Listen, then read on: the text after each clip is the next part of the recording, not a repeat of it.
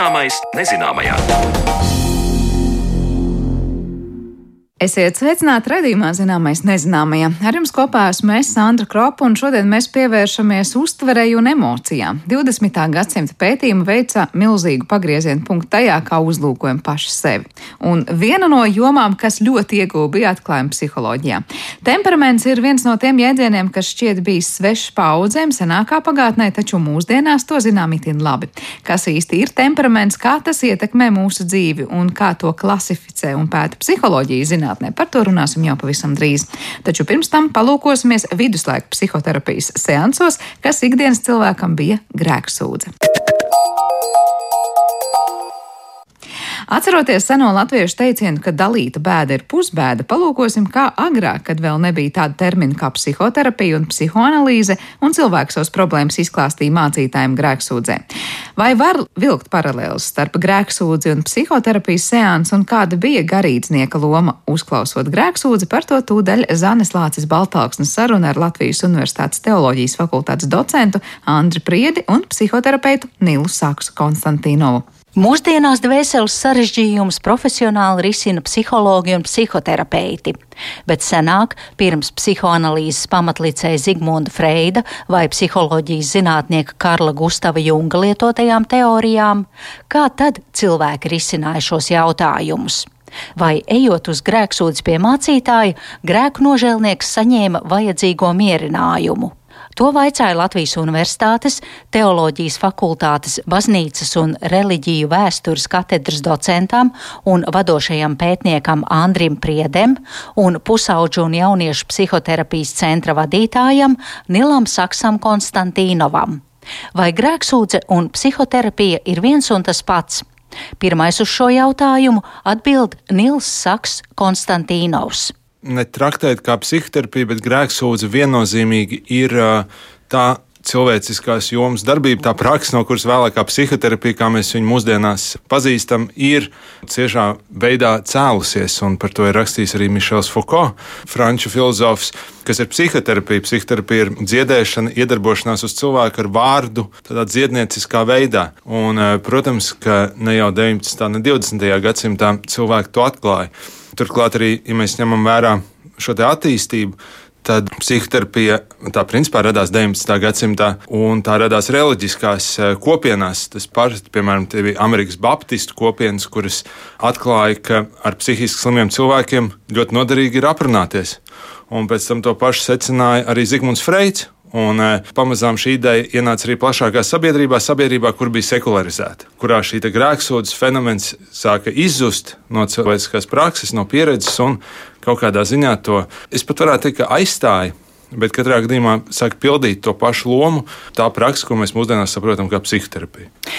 Ja mēs turpinām vilkt paralēlis, vai garīdznieku agrāk vēsturē varēja uzskatīt kā sava veida psihoterapeitu? Man jāpiekrīt eh, manam kolēģim Nilam.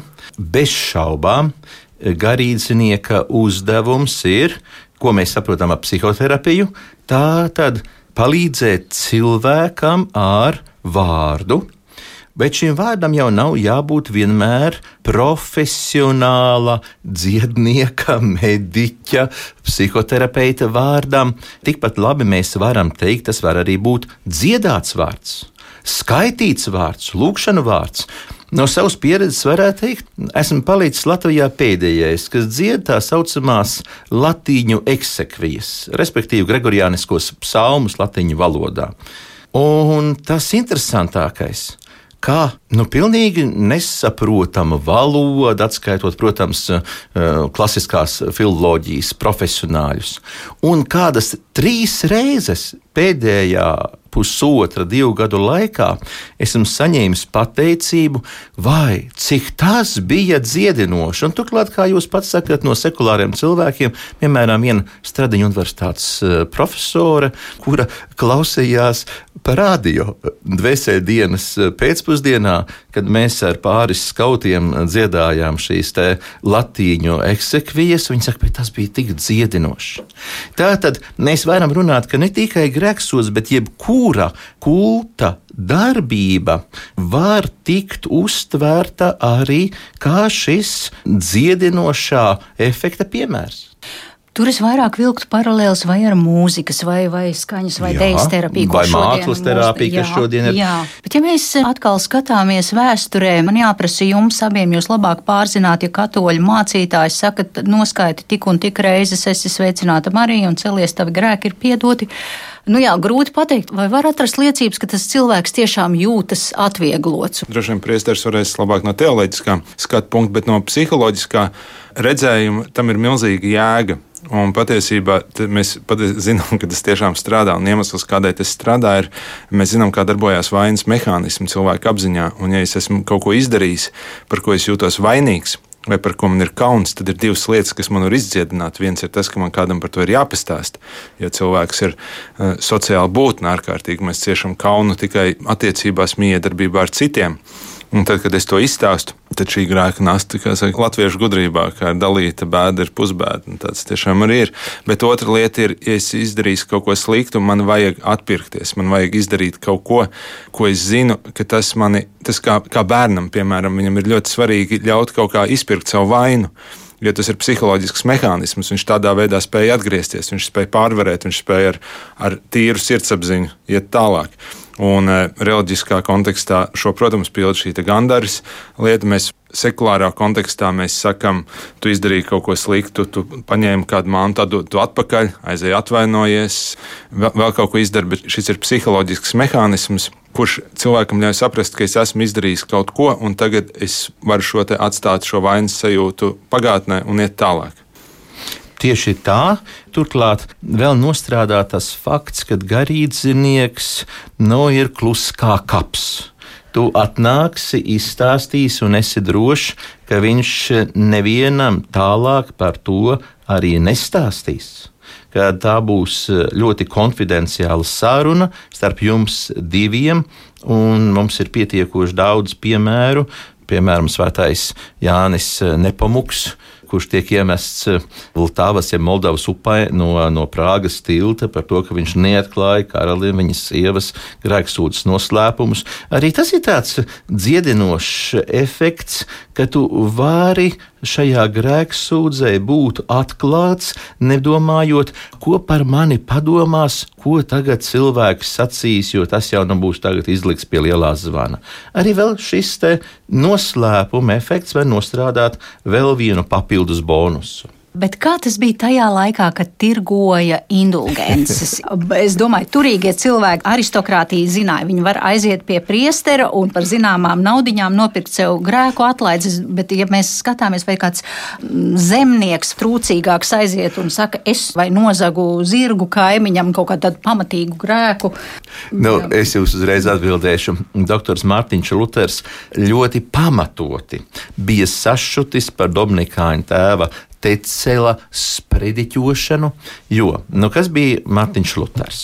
Viņš bija pats ļoti čakls grēksūdzes sakramenta apmeklētājs. Viņa piezīmēs līdz pat šai dienai ir daži padomi, ko viņš atstāsta kādi viņam ir tikuši doti, un kurus es līdz šai dienai izmantoju kā padomdošanā.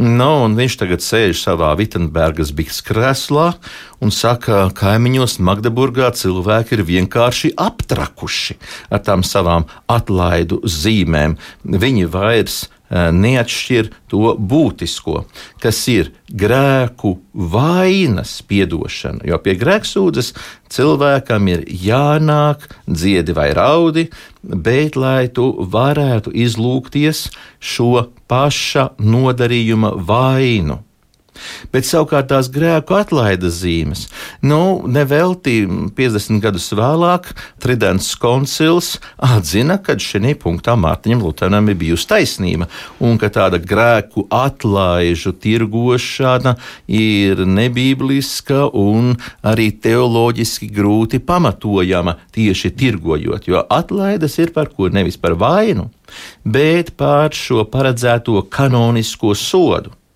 Tas bija tā laika viens no izpausmēm, kas raksturoja pirms reformācijas laika Rietumē Eiropas katoļu baznīcu.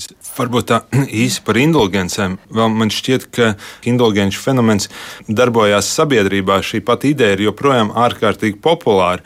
Mēs viņu redzam ik uz soļa. Nu, piemēram, mēs lidojam ar lidmašīnu, un mēs varam samaksāt divus eiro vairāk, lai izpirktu vainu par to, ka mēs esam ar šo lidmašīnu lidojuši un piesārņojuši gaisu. Un it kā mēs iestādām šo koku, kas paglābs mūs no apakalipses sajūtas. Un mēs tādā veidā darām ļoti daudzas lietas, kur mēs mm. atpērkam.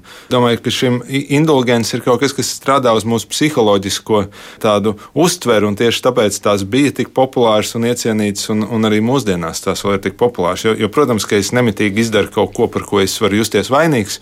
Un, protams, ka es labāk par to samaksāšu nedaudz nekā, teiksim, ar basām kājām ceļošu uz aglonu vai, vai, vai, vai vēl kaut ko. Bet kā mācītājs sevi viens ir tas tie baznīcas kanoni, kas viņam ir jāsaka tad, kad viņš dzird grēksūdzi, un otrs, cik ļoti viņš kā mediātors, kā psihoterapeits tomēr iedziļinās tajā grēcinieka sacītajā un mēģina kaut kā viņam ar to padomu līdzēt. Bez šaubām. Eh, nu, tāds eh, netradicionāls baznīcas kungs ir Jēzus no Nācaretes, eh, kurš arī Mūzus likumu, tieši tāpat kā šodien mēs varētu runāt par kanonisko tiesību likumu, nu, viņš viņu interpretē pēc iespējas plaši, domājot par to, kas ir uzrakstīts arī šodien kanonisko tiesību likuma grāmatas kopsavilkumā, kā Sālus animārum suprēma leks pāri visiem likumiem ir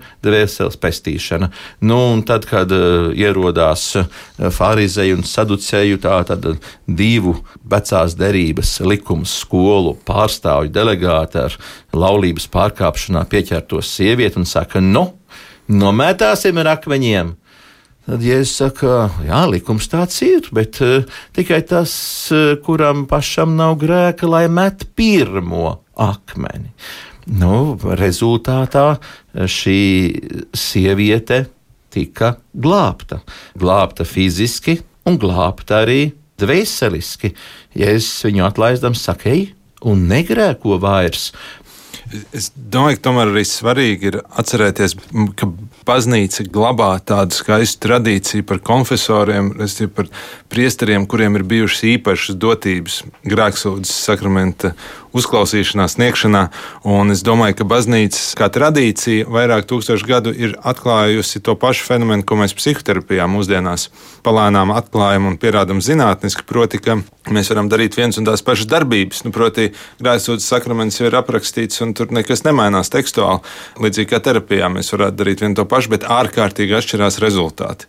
Un ir viens terapeits, kuram, no kura pacienta iznāk vesela un līksma, un ir viens terapeits, pie kura tas tā nenotiek nenotiek, lai arī abi varētu darīt viens un tās pašas lietas. Un tieši tāpat eh, baznīcas tradīcijā ir bijuši šie uzklausītāji. Un, uh, to arī uh, droši vien katrs no savas pieredzes, kurš ir gājis pie grāmatas sakramenta, zinās, ka ir ļoti, ļoti dažādas šīs pieredzes. Tā tiešām man šķiet ļoti svarīga lieta, jo, protams, grēksot ir uzklausīt formāli, un tas neaizņem īpaši daudz laika, un mēs redzam, arī to var izdarīt garās rindās, stāvot, kur ļoti ātri cilvēks laiž cauri. Un tad ir tāds grēksūdzes pieredzes, kuras līdzinās psihoterapijas seansam, kas notiek acis pret aci. Un, un tās ir ilgas, un var aizņemt stundu, un varbūt pat vairāk. Un, Man šķiet, tā ir ļoti, ļoti gudra lieta, kuras eh, baznīcas tradīcijā ir palikusi par to, ka mums, starp mums sabiedrībā ir cilvēki, kuriem ir īpaša dāvana uzklausīt otru.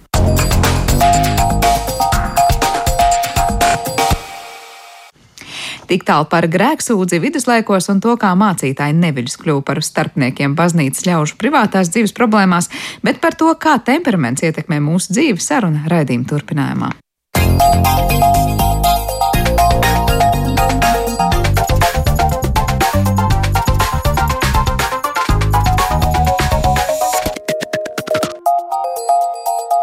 Zināmais nezināmajā.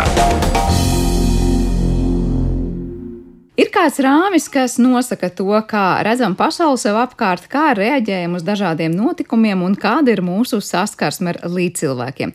To mēdz dēvēt par temperamentu. Turpmākās minūtes mēs skaidrosim, kas tas īsti ir, kā to pēta psiholoģijā un kā temperaments manāmi un nemanāmi stūrē mūsu dzīvi. Un par to visu sarunu esam aicinājuši attīstības psiholoģiju un Latvijas universitātes profesoru Anniku Miltūzu. Sveika, Annika! Labdien! Prieks tev redzēt šeit studijā, jo mēs iepriekš runājām par ļoti nu, dažādām tēmām, un viena no tām skāra to, kas notiek ar mums bērnībā, kā mēs augam, kā mēs attīstāmies. Un mēs nonācām toreiz pie secinājuma, ka būtu jāparunā par temperamentu atsevišķā reizē. Nu, šī reize mm -hmm, ir pienākusi. Mm -hmm. un, uh, Jautājums, vai temperaments un raksturs nu, psihologam ir viens un tas pats, vai tur ir stingrs nošķīrums, kas ir kas un kas kurā brīdī vispār mūsos veidojas, vai mēs ar kaut ko tādu piedzimstam? Uh, nu jā, droši vien, lai izprastu uh, šos konceptus, varbūt jāsāk būt vispirms ar nu, kaut ko līdzīgu definīcijai, kas ir kas. Un, un temperaments, uh, to ir svarīgi uzsvērt, ir bioloģiski noteikts. Tās ir iedzimtas, bioloģiski noteiktas īpašības, kas nosaka to, kā mēs katrs reaģējam uz apkārtējās pasaules stimuliem. Un savukārt, ja mēs gribam siet klāt raksturu, nu, tad tā vienkāršot varētu teikt, ka temperaments ir tas, ar ko mēs piedzimstam. Un savukārt uz temperamenta bāzes, tad mums tālāk jau dzīvojot, no nu, attiecīgi veidojas kaut kāds noteikts raksturs vai rakstura īpašības. Proti, ja temperaments liek mums reaģēt noteiktā veidā vai, nezinu, intensitātē un emocionalitātē, jā, jā, jā. tad tālāk no tā, kā mēs kopš bērnības esam reaģējuši, tā mēs to savu raksturu veidojam. Plus vēl droši vien mācāmies klāt, kas nu, ir labs, jā, kas ir slikts. Un arī, protams, mācāmies dzīves laikā, nu, iespējams arī kaut kā regulēt šo savu temperamentu, bet ir jāsaprot, ka temperamenta īpašības, uh, viņas nav iespējams, nu, es nezinu, tā kā. Uh, novilkt kā kleitu un vietā uzvilkt kādu citu, jo īstenībā temperaments iekrāso nu, pilnīgi visu, kā mēs tā kā skatāmies uz pasauli un kādā veidā pie mums atnāk šie apkārtējās pasaules stimuli. Līdz ar to arī nevarēsim teikt, ka temperamentu pēkšņi gribēšu mainīt vai teikšu, es pie sevis strādāšu un kļūšu cits cilvēks. Uh, teikt var. Vai sanāks? Jā? Uh, vai sanāks, tas ir cits jautājums, jā, jo, jo šīs temperamenta iezīmes, viņas īstenībā nu, diezgan grūti pakļaujas izmaiņām. Uh, un domājot, piemēram, nu, par bērnu audzināšanu, nu, tā kā katram bērnam ir šis savs temperaments, ar ko viņš piedzimst, nu, tad īstenībā ir tā lielā māksla saprast. Uh, atpazīt, ja tas ir temperaments, tad vai man tiešām visiem spēkiem ir jāmēģina tur kaut ko laust vai mainīt, jeb gluži otrādi, nu, krietni veselīgāk būtu respektēt šo bērna uh, temperamentu un, un, un domāt, kā es varu, nezinu, iekārtot apkārtējo vidi, uh, lai bērnam būtu vieglāk. Jā, par šo te temperamentu pārmācīšanu droši vien es arī gribēju tev pavaicāt, atstāsim to mazliet vēlākai sarunai. Pirms mēs uh, sīk un smalki par tiem temperamentiem runājam, vai precizēsim, mēs runājam joprojām par tiem un to iedalījumu, ko es nezinu, kopš skolas laikiem katrs droši vien atceramies. Nu, tad mēs zinām, ir sangvīniķis un holēriķis un melanholiķis un flegmatiķis, vai mēs te runājam par kaut kādu mazliet citu kategoriju skatījumu? Mm -hmm. Īstenībā liels paldies par šo jautājumu. Um, jo šie četri temperamenta tipi parasti ir pirmais, kas nāk prātā, tad, kad mēs dzirdam vārdu temperaments. Uh, Bet ir jāatcerās, tātad pirmkārt, jā, šī ir uh, angļu psihologa Hansa Aizenka veidota tipoloģija 1947. gadā. Nu, tātad uh, tieši pirms 75 gadiem, kas uz papīra izskatās skaisti, kā teorija. Uh, cilvēkiem nenoliedzami patīk, uh, jo nu, ļauj tādā diezgan vienkāršotā veidā nu, sadalīt visus četros tipos. Nu, un, nu, var savā ziņā teikt, nu, piekārt birku, ah, tu esi holēriķis, nu, tad attiecīgi tev piemīt tas, tas, tas. Um, īstenībā tas nav tik vienkārši. Ja, jo, jo šajā uh, Hansa Aizenka pieejā jā, ru, bija runa par divām tādām temperamenta dimensijām uh, - introversija iepratim ekstraversijai un emocionālā stabilitāte iepratim nestabilitātei. Bet vēlāk, sākot pētīt un šķetināt, um, temperaments nav tikai divas šīs lietas. Un, um, ja mēs bišķiņi varam pieskarties vēsturei, tad uh, jau 50. gadu beigās um, Amerikā uh, psihologi. Um, Aleksandrs Tomas un Stela Česa. Uh, viņi uzsāka tiešām tādu milzīgu, apjomīgu pētījumu, kas saucās Ņujorkas longitudinālais pētījums. Uh, un tā būtība bija, ka uh, respondentiem, un tajā brīdī tie bija, ja es nemaldos, 130, izsekoja līdzi Uh, no piedzimšanas līdz 30 gadu vecumam. Uh, un ik pa laikam mērot, uh, skatoties, testējot un Un šī pētījuma rezultātā bija iespējams pamanīt, ka ir lietas, kuras vijās cauri visa cilvēka dzīvei, un kuras paliek relatīvi nemainīgas. Bet ko tur pārbaudīt? Tā kā cilvēks reaģē, vai kā viņš uzvedās, cik viņš ir introverts, ekstraverts? Uh, tūlīt pie tā mēs nonāksim. Jā, ir runa šī pētījuma rezultātā, tad nonāca pie deviņām dimensijām. Tad nevis tikai divām, kā bija aizņemta, bet veselām deviņām. Um, kas viss pieder pie temperamenta. Un tātad, kas tur ir? Tur ir uh, gan cilvēka aktivitātes līmenis, tad fiziski, cik viņš ir aktīvs, cik viņam patīk kustēties vai, vai, vai, uh, vai gūt prieku no kustībām. Ja? Un to mēs zinām, ka nu, ir bērni, kur ir vienkārši kā ūdens zāles, ja? un viņam visu laiku vajag skriet un kaut ko darīt, un citi ir atkal tādi ļoti nu, lēnīgi. Ja? Uh, tur ir runa par tādu pamata noskaņojumu, teiksim, vai, vai cilvēks ir vairāk optimistisks, vai gluži otrādi, vairāk ir noraizējies un mēģina redzēt nu, tikai tādas negatīvākas lietas. Um, tur ir runa par reakciju intensitāti, cik um, cilvēks ir gatavs emocionāli, intensīvi reaģēt uz kaut kādiem stimuliem. Ja, un, vienam, un, un tas ir jāsaprot, ka nav runa tikai par pozitīvām vai negatīvām lietām. Respektīvi, ja tev ir augsta šī reakcija intensitāte, kā temperamenta iezīme, tad gan uz negatīviem stimuliem, gan uz pozitīviem tā reakcija būs spēcīga. Pirms mēs virzamies tālāk, mm -hmm. tā mhm. reakcija spēcīgi nozīmēs arī to, ka cilvēks nevienmēr tur reaģēs dusmīgs vai klieks vai būs skaļš. Tikpat labi, nezinu, cilvēks, kurš pēkšņi ļoti norūpējies, aizknāts un ir gatavs raudāt par jebko, tas arī būs šī jā, emocija intensitāte. Jā, jā, jā, vienkārši cik uh, skaļi vai klusi cilvēks pauž, ja redzami vai neredzami cilvēks pauž savas emocijas. Un es parasti kā piemēru šeit minu, nu, Mēs visi zinām par vecumposmu īpatnībām. Ja? Nu, piemēram, divgadnieku vecums ir diezgan liels izaicinājums vecākiem, jo, jo tas ir laiks, kad bērni nu, sāk cīnīties par varu. Bet tas, vai tas mans mazais veikalā gulēs uz grīdas un klieks nelabā balsī, īstenībā tas būs atkarīgs no viņa temperamenta. Jo tiem, kuriem ir augstāka šī reakciju intensitāte, tad viņi to visticamāk darīs, uh, jo viņu temperaments to liek darīt. Un tiem, kuriem nav tik izteikta tā intensitāte, tad viņiem tas ir viens no tiem pirmiem jau mītiem kas liek teikt, tā nav slikta audzināšana. O, jā, tur es esmu gatava stāstīt visiem, kas ir gatavi klausīties. Uh, jā, apturēju tevi pie vienas no šīm deviņām dimensijām. Tad šī emociju intensitāte ir pēdējā, ko tu nosauci. Kas varbūt vēl ir tās pārējās lietas? Um, jā, ļoti svarīgas lietas ir reakcija uz jauno, vai cilvēks ir tā kā uh, ieinteresēts, pozitīvi noskaņots pret jaunām lietām, gatavs viņām tuvoties, iepazīties, jeb gluži otrādi ir vairāk piesardzīgs un, un, un uh, ir jāpierod. Jā. Um, tas arī, un tur, protams, atkal dzīvē ir savi plusi un mīnusi, jo nenoliedzami resursi ir, ja tu esi atvērts jaunajiem. Ja, un, uh, bet, uh, piemēram, bērniem ir jādomā atkal par piesardzību, jo, ja viņš ir ļoti atvērts jaunajiem, nu, visticamāk, viņš tur ejot pa ielu būs visur ielīdis un visu izpētījis, jo viņam tiešām ļoti interesē viss, kas notiek. Um, tad arī vēl ir runa par spēju adaptēties cik labi vai slikti mēs adaptējamies vispār um, jaunām situācijām. Ja? Tas arī ir temperamenta uh, noteikta dimensija. Ja? Un, um, Un tad viena tāda ļoti interesanta dimensija uh, saucās sensorais jutīgums. Kas tas ir? Um, tas, uh, cik uh, cilvēks spēj atkal viegli vai nepārāk viegli uh, panest spēcīgu stimulāciju. Uh, Piemēram, ir bērni, nu, kuriem nevar iesp nav iespējams izķemmēt matus, jo mati sāp.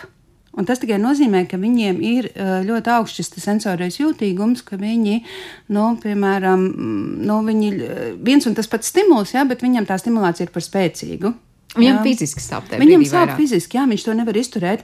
Cilvēki, kur nevar lielus trokšņus izturēt, skaļus trokšņus, jā, viņi vienkārši nervu sistēma to, to tādā brīdī, nu, var teikt, kapitulē. Jā. Vai tajā brīdī, kad cilvēks ir, nezinu, satraukts vai ne, neomā un saka, tagad tu runā mazliet par skaļu, lai gan otrs varbūt nerunā nemaz tik ļoti skaļi, tas arī būs šis sensorais jutīgums, vai tur mazliet? Es savā ziņā domāju, ka būs, jo cilvēks, kuram ir zems šis te uh, sensorais jutīgums, viņš iespējams pat nepamanīs pamanīs, ka citi runās par skaļu. Par skaļu. Jā, un, piemēram, es domāju, uzreiz par bērniem. Klasēs ir bērni, kuri vienkārši starpbrīžos atsakās iet gaitenī, jo tur ir milzīgs troksnis. Viņi, viņi to nevar izturēt, ja, jo viņu nervu sistēma tiek pārslogota tajā brīdī. Mēs varam teikt, ka par visām šīm deviņām dažādajām gradācijām, kas liekas ļoti, ļoti pazīstamas un saprotamas dzīvē, bet nu, saliktas tādā kategorijā, um, mēs esam sākuši domāt tikai pateicoties pēc tā 30 gadu, cik garā pētījuma, kurā analizē šos cilvēkus, protams, tādā temperamenta kontekstā. Līdz tam vispār, es nezinu, valdīja uzskats, tas ir slikti audzināts, tas ir, es nezinu, vāju raksturs, slings vai čakls vai kā citādi. Uh, savā ziņā jā, jo īstenībā tikai pagājušā gadsimta 60. gados arvien vairāk sāka runāt par šo bioloģisko faktoru nozīmi, ka mēs piedzimstam jau ar uh, noteikta veida kvalitātēm, predispozīcijām, uh, nevis uh, viss ir tikai audzināšanas rezultātā. Jā, tāpēc es pabeigšu domu, uh, ir ļoti, ļoti svarīgi gan vecākiem, gan skolotājiem, gan arī vienkārši līdzcilvēkiem nu, saprast, ka šīs temperamenta lietas nu, cilvēks nav izvēlējies, ka viņš ir tāds. Ja, ka, ka, ka viņš ir intensīv, ar intensīvām reakcijām, vai arī ļoti jūtīgs, ja, jeb, jeb kautrīgs vai kāds. Tā nav viņa izvēle, tā ir bioloģija, kurā kura liek sev manīt. Bet, piemēram, tā bieži piesauktā introversija vai ekstravertie cilvēki, tas arī būs temperaments, vai tā ir vienkārši viena no dimensijām, dimensijām kuru mērīt. Un tas ir atkal pilnīgi cita veida, es nezinu, klasifikācija, kurā cilvēks ierindot. Ja mēs domājam par klasifikācijām, tad introversija iepratim ekstraversijai ir personības iezīme. Tas ir vienkārši nu, tāds drusciņš nu, tāda cita teorētiskā bāze, kas ir psiholoģijas zinātnē, bet personības iezīmes mums arī ir lielā mērā bioloģiski noteiktas. Ja, tā tad, nu, savā ziņā var teikt, jā, ka tas ir stāsts par vienu un to pašu, tikai kā tas ir uh, nosaukts. Jā. Mazliet par to, kā, kā tas nāks, ka mums iedzimst šis temperaments, kā to ir nezinu, izdevies noskaidrot vai kā to skaidrot nu, salīdzināsim ar kaut ko ļoti acīm redzamu. Nu, piemēram, ja mums ir acu krāsa vai matu krāsa vai matu forma, un mēs sakām, lūk, jā, tā struktūra iedzimst no mammas vai no tēta vai no vecās mammas, un mēs atrodam, kas kur. Ja mēs runājam par dažādām slimībām, tad atkal sakām, tur ir ģenētikā noteikti tādi, tādi gēni, kas to slimību var teikt, nu, pie noteiktiem apstākļiem palaidīs, pēdiņās nepalaidīs. Kas ir tas, no kurienes nāk tie iedzimtie temperamenti? Mēs viņu pārmantojam jā. arī no mammas, tēta vai kā? Temperamentam nav gēna. Jā, un, un tas to lietu padara sarežģītāku. Uh, to, ka temperaments ir iedzimts, um, to var uh, noteikt uh, nu, pēc vairākām pazīmēm un ar specifiskiem pētījumu dizainiem. Un, uh, piemēram, uh, nu, šis te viens variants, ko es jau minēju, longitudinālie pētījumi, ja pētījumi laikā, kur, uh, piemēram, tiek sekots līdz cilvēka attīstībai, un tad mēs redzam, ka ir kaut kādas lietas, kas paliek diezgan nemainīgas un nepakļaujas vidas ietekmēm, kas liek domāt, ka uh, nu, tām ir bioloģisks pamats. Ja? Tāda ļoti liela grupa, kur var šādus secinājumus izdarīt, ir dviņu pētījumi. Jo Jo, jo, jo nu, tā tad viena solšūnas dviņi, kas ir tā saucamie identiskie dviņi, uh, iepratim dažādu olšūnu dviņiem, kur šī līdzība ir kā brālim ar māsu, un tad uh, nu, salīdzina ja, kas, eh, kas eh, tiem pirmajiem paliek līdzīgs un tiem otrajiem var būt atšķirīgs. Tas ļauj ar ļoti īstenībā nu, tādām komplicētām metodēm, statistiskām metodēm jau aprēķināt, nu, tātad, cik ir liela tā iedzimtības loma. Un te mēs arī redzam šo apstiprinājumu, jā, ka nu, tā, tā iedzimtība temperamenta gadījumā ir. Bet tas reālais iemesls, kāpēc tāds temperaments veidojas, nu, es teiktu, ir runa par kaut kādu gēnu miedarbību gēnu kombinācijām, kuras nu, vismaz šobrīd nu, nav iespējams tā izšķetināt un, un, un saprast, bet tas, ka tas ir bioloģiski, noteikti par to nav šaubu. Un vēl viena lieta, ko es gribu uzsvērt, ir jārēķinās, ka temperaments neiedzimst tā viens pret vienu. Ka, tas nav tāds apsolījums, ka manam bērnam būs tāds pats temperaments kā man. Ja, tas var atšķirties, jo tā, tie gēni var sakombinēties ļoti dažādos veidos, un tas ir diezgan grūti, jo vecākiem ir jāsaprot, nu, ka tas bērns nav mana kopija. Man ir jāpieņem, ka viņš var būt citādāks, un tas reizēm ir grūti. Jo es nu pat iedomājos, bija vēl viena dimensija, ko es nenosaucu, tas saucās regularitāte, kas nozīmē, cik nu, cilvēka bioloģisko funkciju regularitāti. Varbūt vēl mazliet paskaidrot. Vēl, es mēģinu atrast vārdus, kā to precīzāk pateikt. Nu, tātad, cik es esmu regulāri savos ieradumos, gulēšanā, ēšanā, uh, kaut vai, piemēram, uh, atkal runāšu par bērniem, bērni. Uh, zīdaiņi, kuri, piemēram, mostās vienā laikā, iet gulēt vienā laikā. Uh, tu vari paredzēt, kad viņš gribēs ēst, tu vari paredzēt, kad būs jāmaina pampers. Uh, Un savukārt iepratim ir cits bērns, kurš ir pilnīgi haotisks, kur tu nevari saprast, cik stundas viņš gulēs, kad viņš modīsies. Un, un, un, un līdz ar to Uh, piemēram, ir ļoti grūti, ja vecāki ir regulāri, viņi ir diezgan nu, prognozējami ja, savos ieradumos, un, un piedzimst bērniņš, kurš ir haotisks. Ja, tad vispār nesaproti, kā viņu ielikt kaut kādā rāmī. Ja. Tā kā tur nebūtu pamata teikt, ka tas ir atkarīgs no tā, cik disciplinēti un regulāri savos ieradumos ir vecāki, vai, piemēram, mamma gaidot mazuli, cik ļoti ir, nezinu, dzīvojis pēc kaut kāda režīma un, un stingri pie tā not, no, turējusies. Tātad patiesībā. Uh, tiešām katrs bērns nāk ar kādu savu individuālo komplektu, Jā. un tāds viņš arī sev parādīs. Ne, nu, tie ābolīši no tām ābelēm nekrīt baigi tālu. Ja, tā kā vairumā gadījumos eh, tā bioloģija jau ir redzama arī, arī eh, viens pret vienu bērnos, bet ir jāatcerās, ka tā var arī nebūt. Jo nu, mēs nevaram izsekot līdzi šīm iespējamām gēnu kombinācijām. Droši vien, ja mēs par sevi katrs domājam, nu jau pieaugušā vecumā. Kā noteikt, kas manī ir tā temperamenta noteiktā, es nezinu, reakcija vai regularitāte vai kaut kas cits, un kur jau ir stāsts par savu ieradumu, reaģēt noteiktās situācijās tā, kā es reaģēju, jo es esmu, nezinu, pieredzi darīt visu savu mūžu, vai tā ir mana disciplīnas kaut kāda trūkums vai slinkums, vai es nezinu, es nekustos tāpēc, ka man ir slinkums vai nav tāds ieradums, vai varbūt tas tomēr ir mans temperaments. Tas nav viegls jautājums, bet laikam recepte būtu mm, pievērst uzmanību, cik viegli vai grūti nāk šīs izmaiņas. Jo ir jāatcerās, ka temperamenta iezīmes ļoti grūti pakļaujas izmaiņām, un uh, es varu iemācīties sadzīvot. Uh, nu, piemēram, uh, ja es esmu pilnīgi neregulāra, man būs grūti konkrēti piespiest sevi mosties konkrētā laikā no rīta. Ja? Bet nu, es esmu dabūjis labu darbu, man tas ir jādara, un es vienkārši nu, piespiežu sevi to darīt. Ja? Uh, Un, un, uh, bet tikko, piemēram, man nebūs tas darbs, es atgriezīšos savā haotiskajā ritmā un jutīšos super labi. Ja?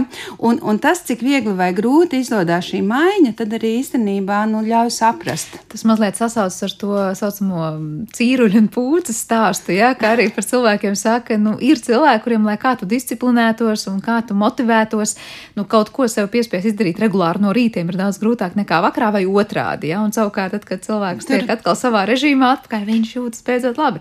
Tur arī ir tas. Tāpēc, ka tur arī ir bioloģija pamatā. Jā, un pret bioloģiju iet ir tiešām nu, tā kā krēļus. Nu, mēs varam viņus mēģināt pārmācīt.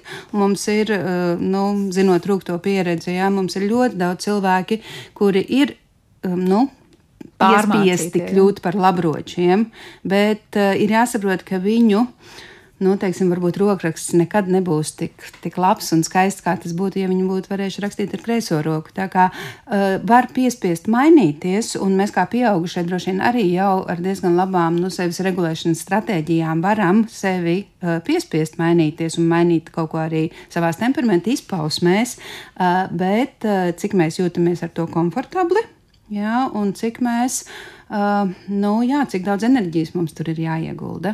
Jo, kad vai domājat par to sensoro jutīgumu, ja, nu, tiksim, ja es nevaru izturēt skaļu troksni.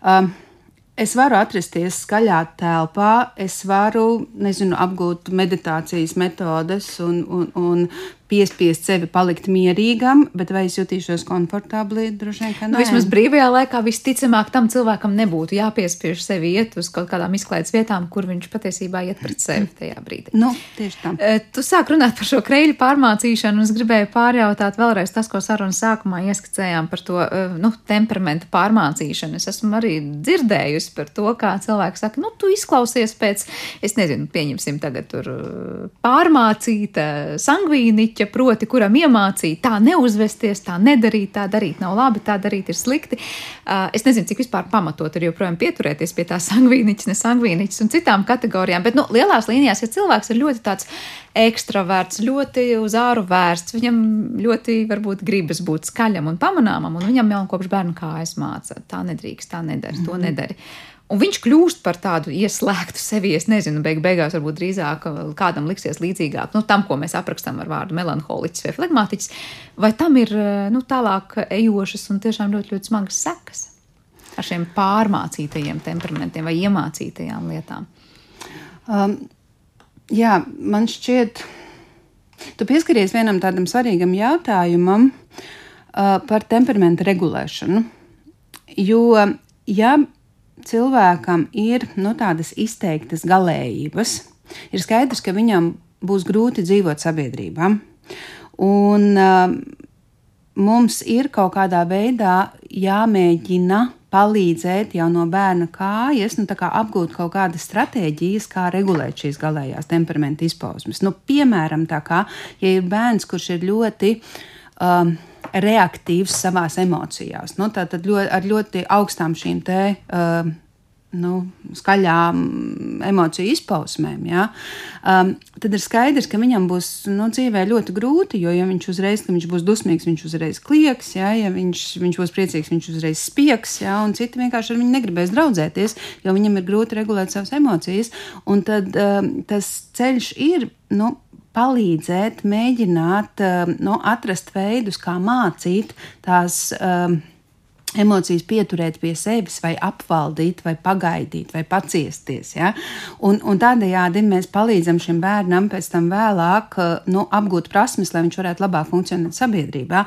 Bet uh, pie šīs te mācīšanas ir vienmēr jāpaturprātā, ka mēs nevaram izmainīt to pašu sakni. Ja, mēs nevaram panākt, lai viens reaktīvs bērns, viņš, viņš var apvaldīties, bet viņš nemainīsies dziļākajā būtībā. Ja? Un mēs viņam tikai varam uzdīt trauksmi, mēs viņu varam uh, nu, nezinu, iedragāt viņa pašvērtējumu, ja? mēs viņam varam pazemināt viņa psiholoģisko labklājību. Ja, ja mēs mēģināsim viņu izmainīt tā, nu, ir jārunā par to, kā tu uzvedies, nevis to, kāds tu esi. Jā, tās apslāpēt tās emocijas arī, lai nesanāk tā, ka cilvēks iemācās vispār apslāpēt sevī tās emocijas, vai nezinu, nemācīt atpazīt viņas, ja tajā mm. brīdī, kad vienkārši mā, nu, iemāc varbūt tiešām nespiegt Jā. un nekliegt tajā brīdī. Bet mācīt izrēģēt citā veidā, vienkārši citādāk, pieņemamākā veidā. Sākumā mēs parunājām par to pētījumu, kas tiešām ir iespējams vairāk nekā 30 gadus sekot līdzi konkrētam cilvēku attīstības ceļam un skatīties arī viņu kontekstā, kas līdzīgāks un kas mazāk līdzīgs. Kā tu raksturotu, kas notiek psiholoģijas vispār zinātnē šobrīd tieši temperamentu pētniecības jomā, kur ir tie jautājumi, uz kuriem nu vēl, es nezinu, zinātnieki cenšas rast tās atbildes, vai kuras ir tās lielās jautājuma zīmes, jo liekas, nu, nomainījām tagad vienu klasifikāciju, ja, kopš pie, mm -hmm. 20. gadsimta 50. gadiem uz pavisam kaut ko citu un sapratām, ka tā gluži mērīt viens otru mēs nevaram un katrs pats sevi. Kas notiek tālāk? Temperamenta pētniecība īstenībā ir ļoti plaša, un šīs deviņas manis pieminētās dimensijas nebūtu nav vienīgais veids. Tas ir varbūt vieglāk saprotamais, un tāpēc es arī par viņu sīkāk runāju, jo, jo šo pieeju ir izmanto, piemēram, vecāku apmācības programmās. Uh, ir vēl ļoti daudz citas arī, arī klasifikācijas un, un nosaukumi, kurus es varbūt šobrīd neminēšu. Jā, bet nu, tas, kas notiek pētniecībā, mēs skatāmies, kā iet kopā nu, dažādas temperamenta iezīmes ar jau citām dzīves kvalitātēm. Un, piemēram, noteikti ir dzirdēts apzīmējums grūtais temperaments. Es tikko gribēju par to vaicāties, mm -hmm. skatījos pierakstos par to, kāda vēl bija tā klasifikācija. Likās, kas ir tas grūtais un vieglais temperaments un kaut kas miksētais un kāds tik vēl ne? Nu, viņi ir visādi, jā. Grūtais temperaments arī ir, starp citu, cieši saistīts ar šo deviņu uh, dimensiju pieeju. Un par grūto temperamentu sauc um, temperamentu, kurā ir apkopojušies, nu, sakrituši kopā. Um, Neregularitāte, nu, tā tad uh, nespēja iekļauties kaut kādā šajā konkrētajā rāmī. Ja? Uh, tad ļoti augsta emociju intensitāte, negatīvs noskaņojums un uh, slikta adaptācija un grūtības uh, um, tuvoties jaunai situācijai. Nu, respektīvi, no visas lietas nu, jā, nu, respektīvi, bērniņam, es teikšu, tā nav palaimējies, un, un viņš ir jau no mazām dienām, nu, tas ir, teiksim, bēr, bērniņš, kurš, kurš daudz raud, kurš ir negatīvā noskaņojumā, nu, un, un tas nosaukums grūtais temperaments, um, par to arī ir diskusijas, vai viņš būtu lietojams šāds te nosaukums, bet tur ir stāsts par to, ka reāli ar šādu bērnu ir grūti, un grūtā temperamenta bērniem uh, viņu nav daudz pēc statistikas, pēc pētījumiem, kaut kur plus mīnus 10% bērnu piedzimst ar grūto temperamentu, ar šādu kombināciju. Um, bet, jā, diemžēl tur ir tālāk jau sai, sasaiste kopā ar kaut kādām uzvedības problēmām skolā, ar, ar attiecību problēmām, arī bieži vien um, ar, ar akadēmiskiem sasniegumiem sliktākiem, jā, jo, jo šim bērniņam vienkārši ir grūti miedarboties ar apkārtējo vidi. Uh, jā, un, un, un nu, viņam vajag vairāk palīdzības. Mūsu ietekmē ar mums mīja darbojas daudz dažādi faktori, gan mūsu bioloģiskie, gan vides. Un, un, nu, tā ļoti vienkāršot sakot, ka ir noteikti veida riska faktori, kas mums to dzīvi padara grūtāku, un iepratim ir noteikti veida atbalstošie faktori, kas mums tā kā atkal mazina šo riska faktoru ietekmi. Un, laikam, tas, vai mēs un, to slikto faktoru, kas būtu tas riska faktors, uztveram kā tādu iespēju iemācīties vai sevi kaut kā, es nezinu, drīkst teikt, uzlabot vai padarīt labāku. Protams, mēs to pieņemsim kā tādu iespēju. Nevis apgrūtinājumu, nezinu, vietu, kur krist. Mm -hmm. uh, to arī noteiks mūsu temperaments. Proti, vai mēs to, to skatīsimies kā uz izaugsmas iespēju vai uz tādu nolemtības iespēju. Daļēji jā, jo atceramies par, par to optimistisko skatu un par to pesimistisko skatu. Jā. Uh, bet, uh, ja cilvēks ir nu, tāds gatavs ar sevi strādāt un gatavs iedziļināties, un, un, jo, jo ar temperamentu ir tā, ka tad, kad, uh, tā ir tāda automātiska reakcija, un tad, kad tu viņu uztver, oh, akal es esmu gatavs reaģēt šādā veidā, tad tanī brīdī jau ir izvēle. Vai es daru to, ko es līdz šim parasti esmu darījis, ja es šajā konkrētā brīdī daru kaut ko citādāk. Bet nu, tās izmaiņas nevajag cerēt, ka tur būs ātri. Nebūs tā, jā. ka šodien no sirds gribu un rīt jau sanāks. Mm. Bet droši vien, kad nu, liels solis pretim uzvarai jau ir arī tas, nevis tikai tas, ko tu jau tikko minēji. Es noķēru sevi pie idejas, ka es gribu rēģēt citādāk, bet es to tā nedarīšu. Mm. Kā laikam es jau paspēju rēģēt kā ierasts, bet es apzinājos pēc tam un ieraudzīju to, ka tā bija tā reakcija. Es atpazinu to, ka tā ir tā temperamenta iezīme. Tā laikam arī ir liela daļa uzvaras. Tas ir solis uz priekšu, jā. Jā, bet es pabeigšu, jā, bet tā ir pieaugušo privilēģija. Bērniem tās reakcijas ir dabiskas, un, un ja bērnam, piemēram, nezinu, ģimene ar, ar, ar vairākiem bērniem aiziet krastmalā uz salūtu, un viens bērns no prieka spiedz un priecājās par ugunspuķiem, un tāpat laikā cits aizspiež ausis un sakņūp, jo viņam ir reāli bail, to vienkārši ir jārespektē, nevis jāmēģina piespiest. Noslēdzot mūsu sarunu pavisam īsi, es vairāk kā skaidrs esmu sapratusi, ka vairs nevaram tik viegli par to tradicionālo iedalījumu runājot, nu sevi nosaukt tā vai šā temperamenta kontekstā. Uh, tu pieminēji šos te grūtais temperaments vai vieglais vai kā citādi, tā ir tad vēl, nu, cita, nezinu, gradācija, kādā uz to paskatīties. Mums ir vēl veids, un kurā mēs varam teikt, mēs varam sevi salikt tiešām, nu, tā kā saķeksēsim tabulā un paskatīsimies iznākumu, kā tad kurš temperaments mums atbilst, vai te mēs nonākam pie tā, ka mēs katrs par sevi varam runāt tikai par to, kā, lūk, pozitīvi noskaņota vai vairāk negatīvi noskaņota, ar varbūt to sensoro jutīgumu augstu vai zemu, un mēs nenonāksim patiesībā pie tādas, nu, nezinu, sevis nu, ielikšanas kārtējā kastītē.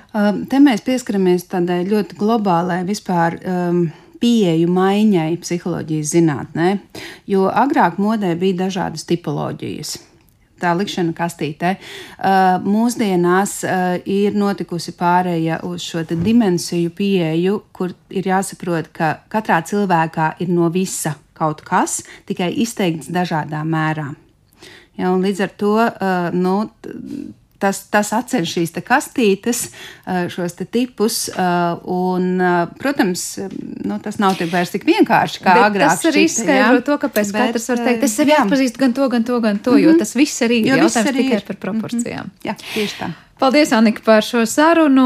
Tiešām interesanti paskatīties uz to, kā psiholoģija zinātnē ļauj paraudzīties citādāk uz labi, varbūt pieņemtām un zināmām mums visām ierastām lietām. Un pats galvenais - katram pašam uz sevi. Anika Miltūras, tātad attīstības psiholoģija un Latvijas universitātes e, profesora bija šodien mums kopā raidījumā Zināmais nezināmajā. Ar to arī raidījums ir izskanējis un par to parūpējās producenta Paula Gulbinska. Mūzikas redaktors šai stundai bija Girds Bišs, skaņu režijā Kristīna Dela, bet pirms kopā es Sandra Kropa. Uz tikšanos!